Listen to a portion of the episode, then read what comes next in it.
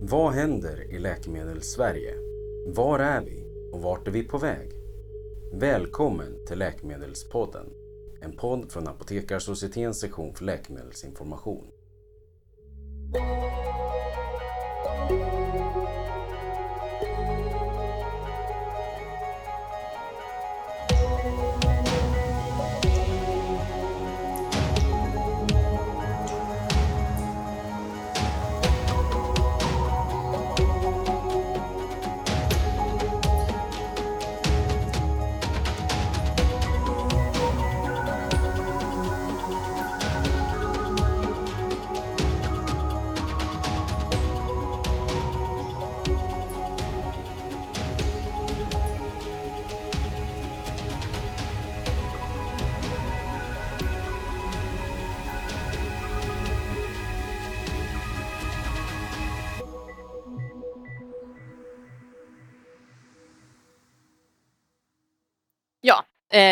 Det här är alltså Ingrid Helander på plats på patientsäkerhetskongressen i Älvsjö där jag står med vinnarna till årets pris för bästa patientinformation, Hälsoaktiv.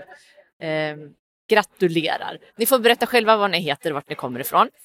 Jag heter Niklas Karlsson och jag kommer ifrån MSD. Eh, Jag heter Karin Avisenius och jag kommer från Apoteket AB. Eh,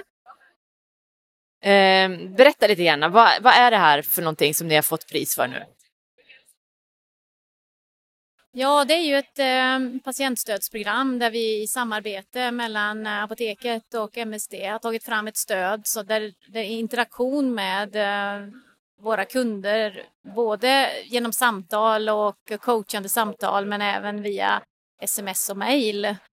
Och det här, jag måste bara avbryta, det här handlar alltså för patienter med eh, diabetes typ 2.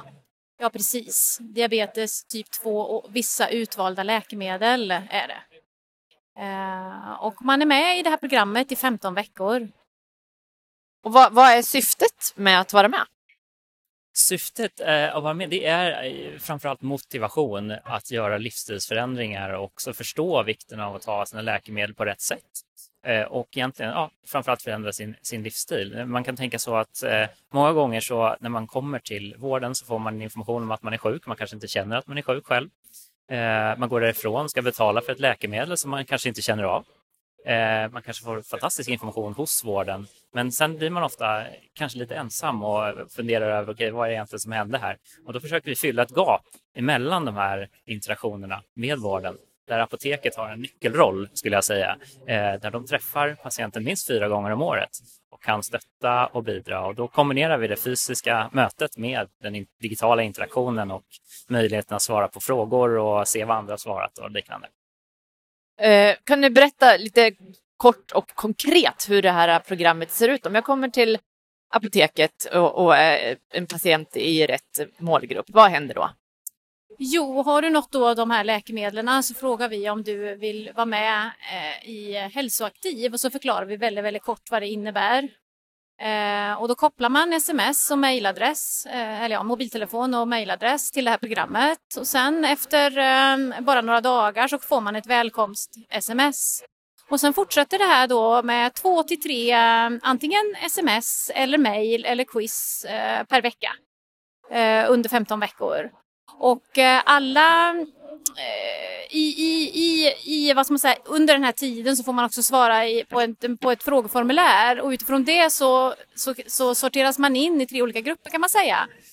Eh, där vi har de som har mindre risk för en låg följsamhet och de som har större risk. Och de som har då en ökad risk för en låg följsamhet, de får även ett coachande samtal. Eh, och man kan få ett eller två coachande samtal. Och det utförs av specialistapotekarna inom Apoteket AB.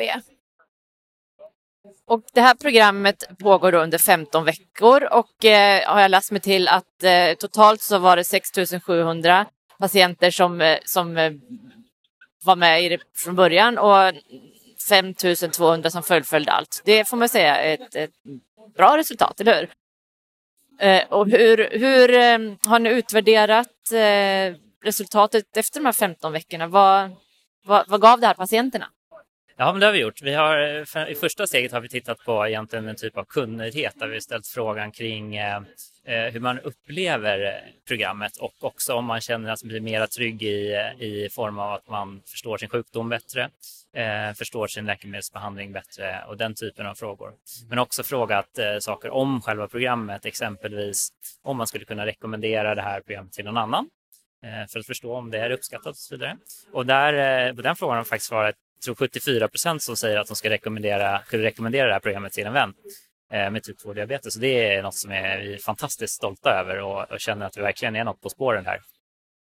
Men vad vet ni om själva följsamheten till läkemedelsbehandling? Har den blivit bättre för de här patienterna? Det vet vi inte idag, eh, men det är någonting som vi kommer att titta på under hösten nu. Där har vi planerat att titta på uttagsföljsamheten och se om vi kan faktiskt också se, koppla ihop det här på ett bra sätt och faktiskt se ett faktiskt resultat istället. Så vi är jättenyfikna och väldigt spända över det här, men vi får se vad det ger. Hörrni, när ni utformade det här programmet, vad, hur tänkte ni då? Vad, jag tänker form av teknik och eh, frågor och, och hur tänkte ni? Tanken, eh, alltså vi hade väldigt ganska långa diskussioner egentligen om hur vi skulle eh, tekniskt lösa det här och vad som var det bästa sättet. Och det vi faktiskt gjorde var att vi sållade bort egentligen allt som har med appar och eh, olika typer av saker du måste nadda ner till att faktiskt använda och fokusera då på de saker som du har redan i din telefon. Exempelvis sms, mail eh, och även använda länkar. Så att har du en smartphone så kan du vara med. Så att du kan exempelvis klicka på en länk i ett sms för att komma till ett frågeformulär. På så sätt så kommer vi runt alla så utmaningar kring att just du behöver ladda ner och du behöver följa någonting kontinuerligt. Här får du serverat till dig.